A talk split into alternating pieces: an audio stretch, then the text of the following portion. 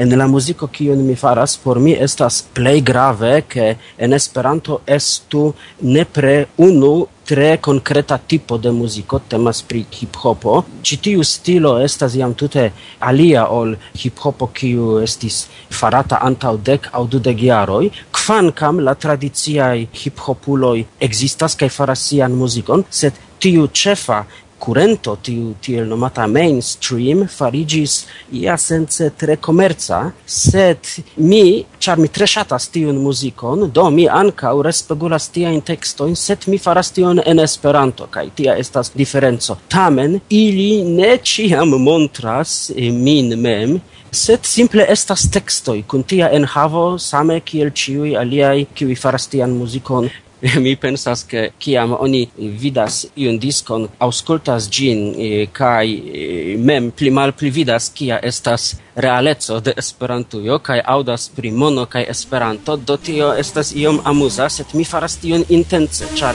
kial ne estu tia?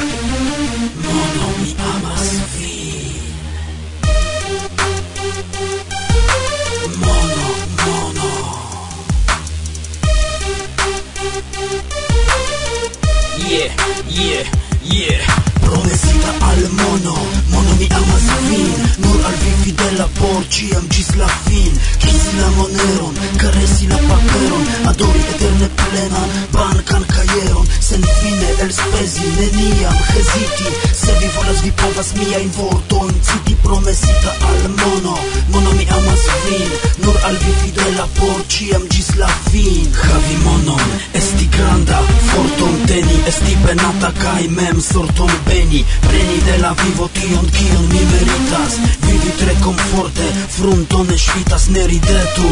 Rideto estas malvera, normalamo En vio sento sincera kaj tamen mi festas. Ciam mono restas, vi scias kial. Char mi estas Vesita al mono Mono mi amas vin. Nur al vi fidela por Ciam gis la fin. Kisi la moneron Caresi la paperon Adori eterne plenan Bancan caieron Sen fine elspezi Neniam hesiti Se vi volas vi povas miajn vorto Citi promesita al mono. Mono mi amas vin. Japana Esperanto-movado estas eh, tre vigla, estas multaj esperantistoj en Japanio kaj eh, multaj diversaj kongresoj lokaj kaj tutjapanaj ankaŭ. Do mi ĉiutage estas en kontakto kun aliaj esperantistoj kaj se temas pri esperantistoj de la tuta mondo, ne en Japanio, mi havas tiujn amikojn en la formo de interreta kontakto, ĉar distanco estas granda kaj mi ne povas tiel vojaĝi ĉiam al Eŭropo aŭ al Ameriko kien ajn. Do amikoj kiujn mi povas vidi kaj renkontiĝi, ili estas en Japanio kaj tiuj aliaj estas rete. En samideano mi pri tio repis. Eble mi estas nun ĉe la iom flanko aŭ direkto al tiel nomata raŭmismo. e, do mi iam, iam pensis pri tio, finvenkismo, finavenko, kaj raumismo, kotopo, kotopo, do iam mi estis antau kelka jaroj, precipe kiam mi estis fresha esperantisto en jaro 2000, 2001, mi estis tre fervora pri disvastigo de esperanto tiel, ke ĝi fariĝu eh, reganta lingvo ĉie, sed poste mi rimarkis, ke tio estas iom malfacile realigebla, kaj samtempe mi rimarkis, ke ĉar estas interreto, kaj eh, se mi vivas en Esperantujo kaj havas konstantajn amikojn kaj konatojn, kotopo, tio estas por mi agrabla afero kaj mi havas por mi el Esperanto tion kion mi bezonas kaj tio plaĉas al mi.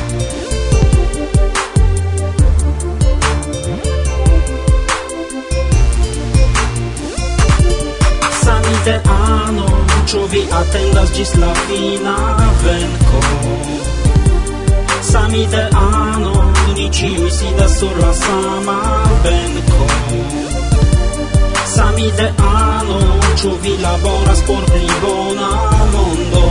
Oh yeah Samite ano Kion signifas familia rondo multaj homoj miras kaj miras kiel mi Esperanton parolas. La klarigo estas simpla mi tiel volas kaj mi ne vivas en historii nek venas del futur mi ekzistas hodiaŭ antaŭ mi neniam ol. Mi volas esti bona homo kun amikoj en ĉiu domo saluti esperantistojn en Ŝanhajo kaj en Romo kaj en ĉiuj lokoj kiujn ne eblas mencii vi devas tion scii Samideano, ĉu vi atendas ĝis la fino?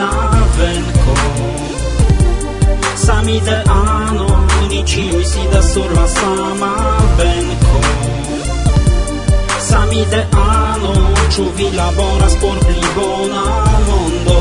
Oh yeah Sami de ano Kion signifas familia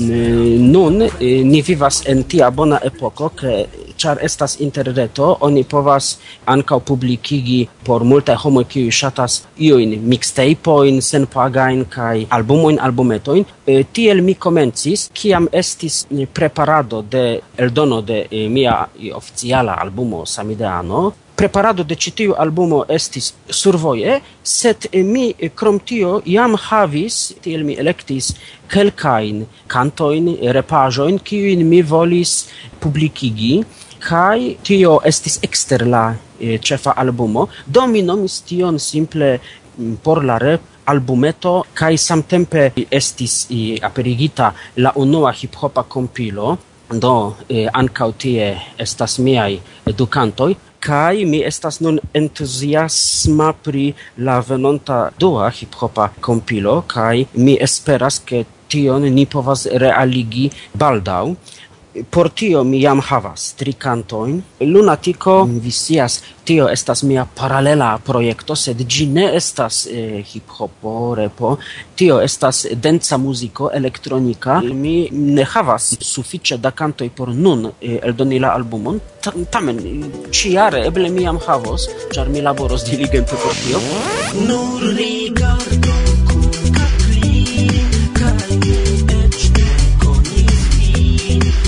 understood.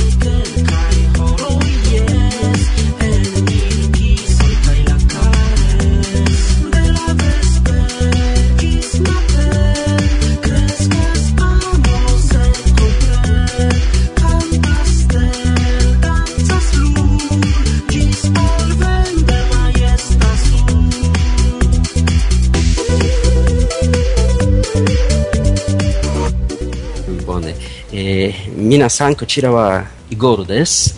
えー、っとですね、何を言えばいいんですか、えー、よろしくお願いします。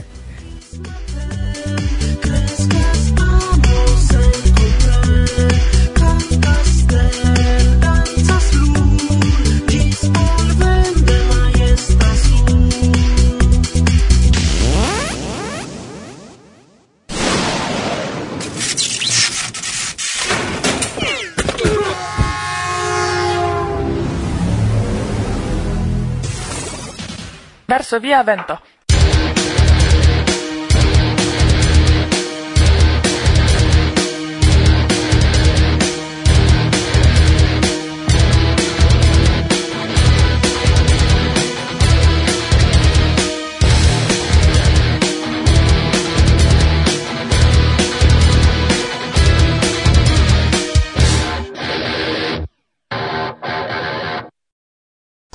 Do mi nomiĝas Melono el Francio. En kiu circonstanco vi eksis pri Esperanto? Do, estis tute hazarde, fakte, do.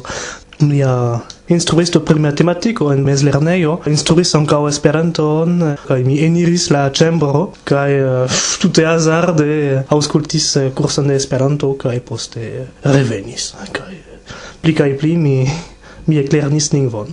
Kial? Ĉar vi povis eklerni ekzemple la ĉinan lingvon? Jes, sed tamen mi interesiĝis pri la lingvofarado Kotopo, kaj eh, tio interesis min vere multaj gejunuloj en Esperantio konas vin kiel muzikisto. Kial vi ekinteresiĝis pri muziko kaj kie estis viaj komencoj? Kial, kial, kial do? Mi eklernis muzikon eh, kiam mi estis kvinjaraĝa kaj... Eh, Gepatroj devigis vin? Jes, kompreneble, ĉar eh, de longtempe en la familio ni estas muzikistoj profesiaj. Ĉu ili estas konataj iel? Patro iom, jes, li faras turneroi en Germanio, en Nederlando, en ec Usono. Kial vi ne diris al homoi che via patro estas Jean-Michel Jarre? Tute ne. ne, ne, li estas violonisto. No. Se tamen vi ekŝatis tion? Yes, yes, mi shatis, kiam mi estis pli ol dec ĉar antaŭ ne estis plezuro, estis nur laboro, teknikaĵo, ikotopo, estas uh, eh, malfacile lerni pianon eh, uh, teknike. Antaŭ dek jaroj estis iom eh, teda kaj peza laboro, ĉar temis pri unu oro uh, tage, do estas sufiĉe peza por uh, infano. Vi okupiĝas profesie pri muziko. Ĉu vi sentas muzikon aŭ vi simple profesiumas je tiu ĉi kampo? Kompreneble mi sentas muzikon, sed el mix de hobbyo que elaboro neniam estas facile facte Yes, mi pli kaj pli um, sentas muzikon nun. Mi vere revenas al muziko. Sed dum kelkaj jaroj mi tute nur profesie ludis kiel uh, eh, session player. tiu uh, ludanto kiu povas profesie ludi tuj sen uh, tro uh, envolvigi vi mem en la muziko. Sed nun mi gioie facte revenas al sento, revenas alla la ververa musico che volas presenti mia in pezzo in mia stilo non ca o mia in uh, diversezzo in.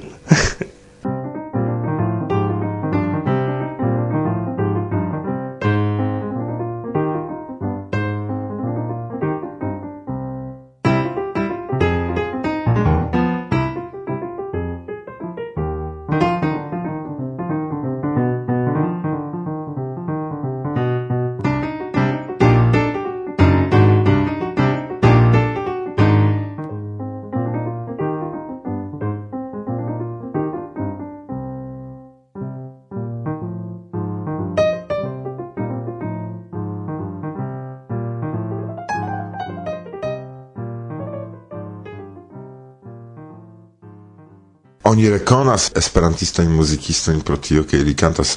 Ĉu eh, oni povas diri ke vi estis esperantista muzikisto? Do fakte fakte. Ja muziko estas internacia lingvo. Do mi intentis fakte du miso eh, ludi en gufujo, do mojosigi en eh, gufujon. sed fakte do mi ne sentas min kiel esperanta jazzisto, nur kiel jazzisto, kiu umas en esperantujo, fakte, kiu ludas, kiu prezentas sin.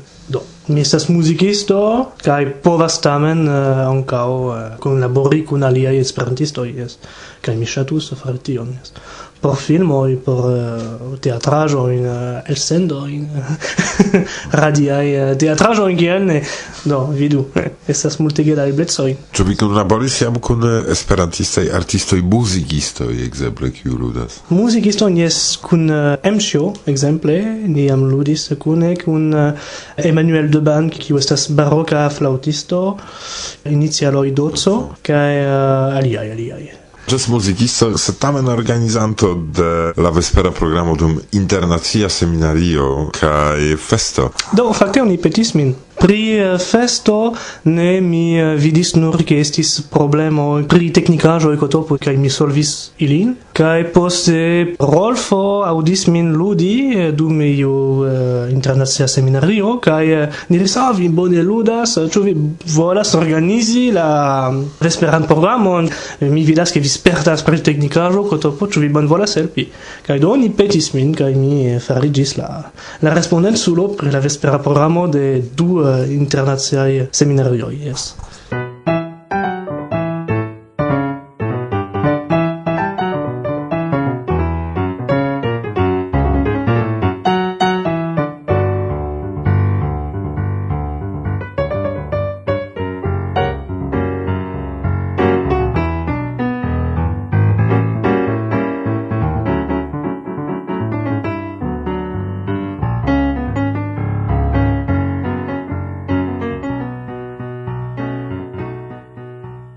fakte fakte impresa, impresa jazz muziko kvankam sen esperantistaj vortoj. Ankaŭ vi kunlaboras kun Guillaume. Diru ion pri tio, ĉar intervjuo kun Guillaume estis laste do. Yes, yes, yes, prave. Do fakte mi nur helpas lin por uh, starigi studion lian propran por ke li povu eh, registri eh, fakte lian eh, novan albumon. Guillaume kaj du pianoj? Ne, ne, ne, ne, nur li. Sed do ni devas eh, starigi la sistemon, do la, la songarton, eh, kotopo, ĉiuj mikrofonojn, kaj do mi helpas, mi konsilas lin pri aĉetado kotopo. Kaj ni plejparte uzos uh, Linuxo kaj uh, kompreneble uh, liberaj solvarojn. Kio do estas por vi Esperanto? Kiel diri do medio interkultura. mi ne diris que mi ne credas ideon. Mi nur diris que mi ne eclernis pro ideo, pro utopio, uh, sed do, eh, uh, ancao mi ne volas credi, mi volas que iju tiu uh, medio intercultura. Mi estas esperantisto uh, azarde, mi nur interesiĝas pri lingvofarado, mi eklernis multege da lingvo en Kotopo do tut tutazarde che mi eh, partoprenis feston kaj poste envolvigis en la movado kotopo. Do... Eble vi deziras ion diri al la esperantistoj ĉiuj? Yes, do pli kaj pli eh, uh, interesiĝu pri e gruppo e kiu provas vere presenti profesiajoi, Compreneble kun uh, eh, tiu elsendo ankaŭ vi uh, povas eh, uh, konatiĝi kun multege da diversaj uh, projektoj, artaĵoj mon volu estu sivolemaj o pri tiu uh, artajo bon volu ace tu interesigiu estas bonege kai provi kai por la movado mem. viai kvin minutoj por saluti gamikoin. Ĉu en via elsendo oni povas danki pri firmaoj? Compreneble, eh, kaj ech paroli en nacia lingvo. Ĉar mi, mi volus danki compreneble Sobieski, eh? kiu eh, yes, obligis tiun eh, uh, intervujon, do danki eh, ĉiuj aŭskultantoj kaj do eh, uh, salutigi amikojn kompreneble kaj inviti ilin al la festo, festo, festo. eh, arrangio, venu venu al festo estus bonege, estus mojose kaj do ni drinku moskune. Do kore mi invitas vin al festo, festo, festo por ausculti jazz concerton fare de Melono kiu jam eh, prezentis sin al vi eh, kaj vi aŭdis iom da kapabloj plene tion ĉion vi aŭskultos dum festo. Dankon Melono pro la intervjuo. Oh, denonke ne.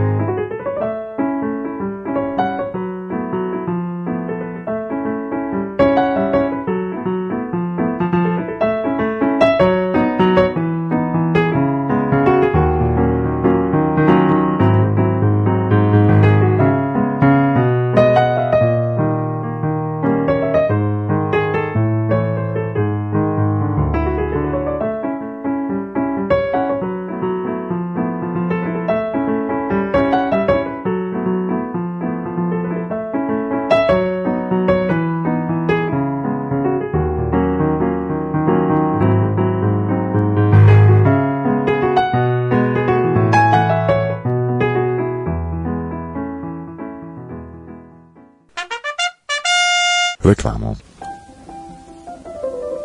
Graziono.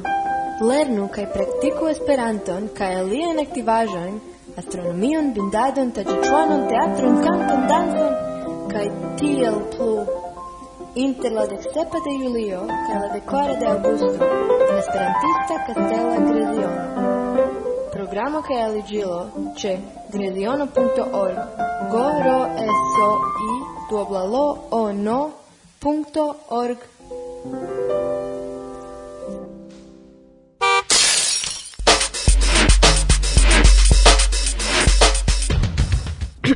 Varsovia vento bla bla bla Ci tie mi estas kun uh, unu germana kiu nomiĝas Jone. Mi estas finna. Mi estas finna, sed mi loĝas en Germanio kiel ŝanĝlernanto. Ok, do kiel vi ne skribis Finnlando? Ĉu vi ne fieras pri la propra lando? Ĉar Ĉar estis um, estis demandita kie kie vi loĝas. Mi ne sciis ke ke estos ĉi tie Germanio.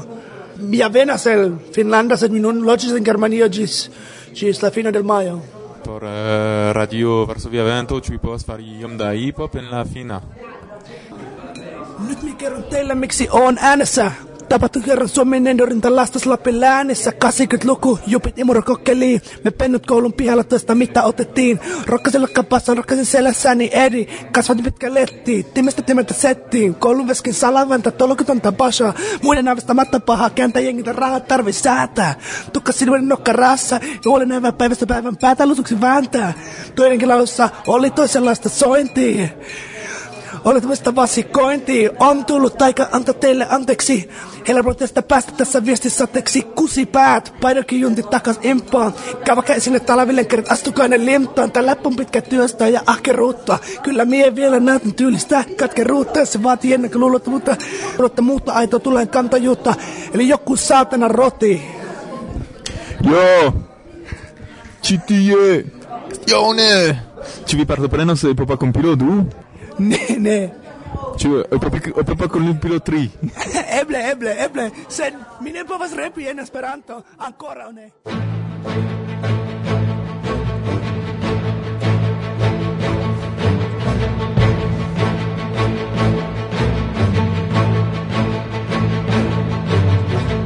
vi ŝatus partopreni la ĉijaran iokon kaj revas ekhavi unikan sperton en la unika lando Kubo, sed la flugkosto detenis vin de definitiva decido? Ne plu hezitu. Ni ĝojas informi, ke la partoprenantoj de la IOGO povas ĝui tre signifan rabaton flugante per Kubana de aviavion okdekjara Kuba Flugkompanio. La netaj prezoj el Eŭropo estas de Parizo 300 eŭroj, de Madrido 390 euroi, de Londono 270 frankoj, de Romo 620 euroi, kaj de Moskvo 640 euroj. Komparu tion kun plej ofte pli ol 1000 eŭraj biletoj el Centra Eŭropo ĉe la aliaj kompanioj. Kubana flugas ankaŭ el diversaj amerikaj urboj kun speciala tarifo por la ioko partoprenantoj. Klaku ligilojn en priskribo de la elsendo por ekscii la detalojn. La condicio por ricevi la rabaton estas el pago de la plena congresa cotizo. Tio servos kiel asekuro vidpunkte de la flugkompanio. Post kiam vi kotizis, turnu vin al unu el la oficejoj de Kubana, ligilon al reto vi trovos ankaŭ en la priskribo de la programo. Vi devas mencii, ke vi estas partoprenanto de la Esperanto-kongreso en Havano. Se estos peto pri pruvilo, bonvolu kontaktu la tejo oficejon, kiu provizos al vi tion. Ne forgesu, ke necesas turista karto por eniri Kubon, tiun vi povas recivi en Kuba ambasadejo, se ekzistas en via lando aŭ helpe de vojaĝ agentejo. La biletoj aĉetitaj ne estos redoneblaj kaj ne eblus flugi per alia kompanio ol Kubana. La oferto estas nome de la flugkompanio kaj validas ĉiuj ties reguloj. Tejo ne respondecas pri la ofertoj nek povas garantii disponeblon, nek prezoj aŭ kondiĉojn. Rapidu por profiti la ŝancon de tiom konsiderita rabato. Kubana havas nur malmultajn flugojn semajne kaj la nombro de lokoj estas ja limigita. Ni ĝojas vidi vin en la ioko. Nome de Teo Estraro la informon preparis Sergeo.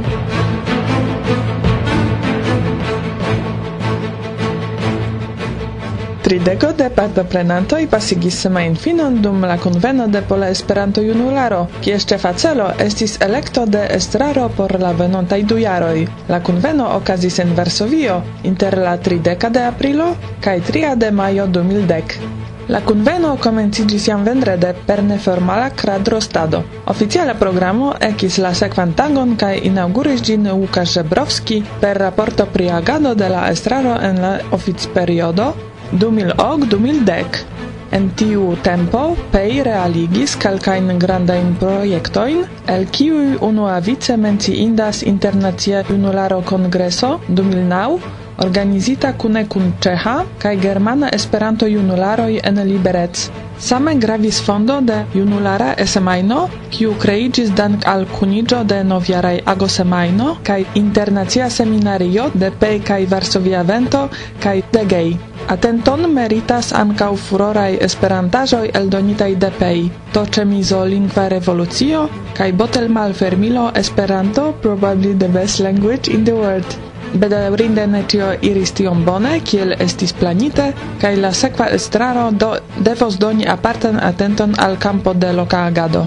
Realigon de tiu kaj aliaj taskoj prenis sur sin ses elektitaj fare de la komitato. Prezidantino farigis Agnieszka Żetelska, kiu en la antaŭa estraro rolis kiel vicprezidantino. Ĝis nuna prezidanto Łukasz Żebrowski prizorgos informadan kampon. En la antaŭa estraro restis ankaŭ Leszek Dobrowolski, kiu daŭre estos kasisto de PEI. Tute novaj estas Zuzanna Samborska, vicprezidantino, kaj Natalia Antolak, sekretario. Fine pri landa agado respondecos Przemek Wierzbowski, kiu jam estis estrarano de PEI en jaroj 2006-2008. Dum la kunveno okazis ankaŭ du programeroj dediĉitaj al junulara semajno. Unua celis prezenti organizan flankon de jes al tiuj, kiuj ankoraŭ ne membras en la teamo. Dua estis kutima laborkunsido de la organiza komitato. Krome dum la kunveno oni klopodis krei ideojn por ŝanĝi emblemon de Pei. Tio ĉi estis realigita per preparado de grafitiaj ŝablonoj. La programero krom multo da amuzo donis ankaŭ konkretajn rezultojn kiu estos plu evoluataj. Trairante al la distra parto de la kunveno, ne eblas ne mencii oficialan debuton de la Varsovia kabaredo La Oraj Pantalonoj en Arbustoj. Tiu ĉi nova grupo prezentis sketchojn en Esperanto kaj en la pola. Ciu vesperoi finigis per etos plena crad rostado en verdejo de Varsovia vento.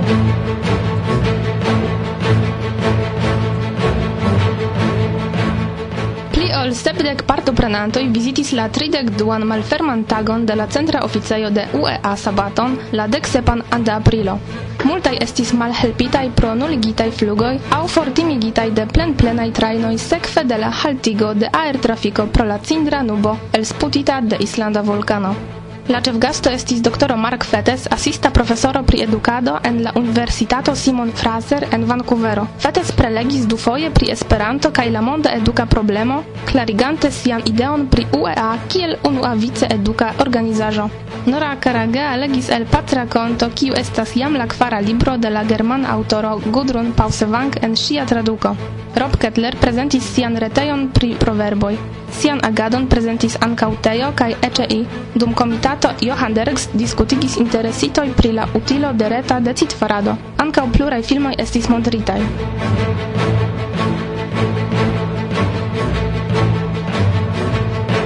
Caraj aŭskultantoj, caraj radioamikoj. Laŭ la decido de la superuloj de Pola Radio, Ekde la plej proksima lundo, Gabi Kosiarska estas delegita kun grupo de kelkaj aliaj radiaj kolegoj al laboroj ligitaj kun ŝanĝo de la portalo de Pola Radio llige kun tiuj taskoj, por ne difinita ankoraŭ precize periodo, la laboro de la Esperanto-servo de Pola Radio estas frostigita. En nia paĝaro aperados nur ripetaj programeroj. Oni flegas la esperon, ke post kelka periodo ciui nun delegitai personoi povas reveni al siei kutimoi okupoi do gabi en la sekcio de Pola Radio. Anticipe ni dankas pro ciui correspondei reagoi. Ciui gravas en nia laboro, por la formo kaj enhavo de la e-elsendoj de Pola Radio. Ni dankas do pro tiuj, kiuj jam venis, kaj anticipe dankas pro laŭvicaj. Niaj adresoj estas senŝanĝaj. Esperanto ĉe polskiradio.polo kaj barbarinella ĉe gmail.com. Amike kaj kore, Esperanto redakcio de Pola Radio.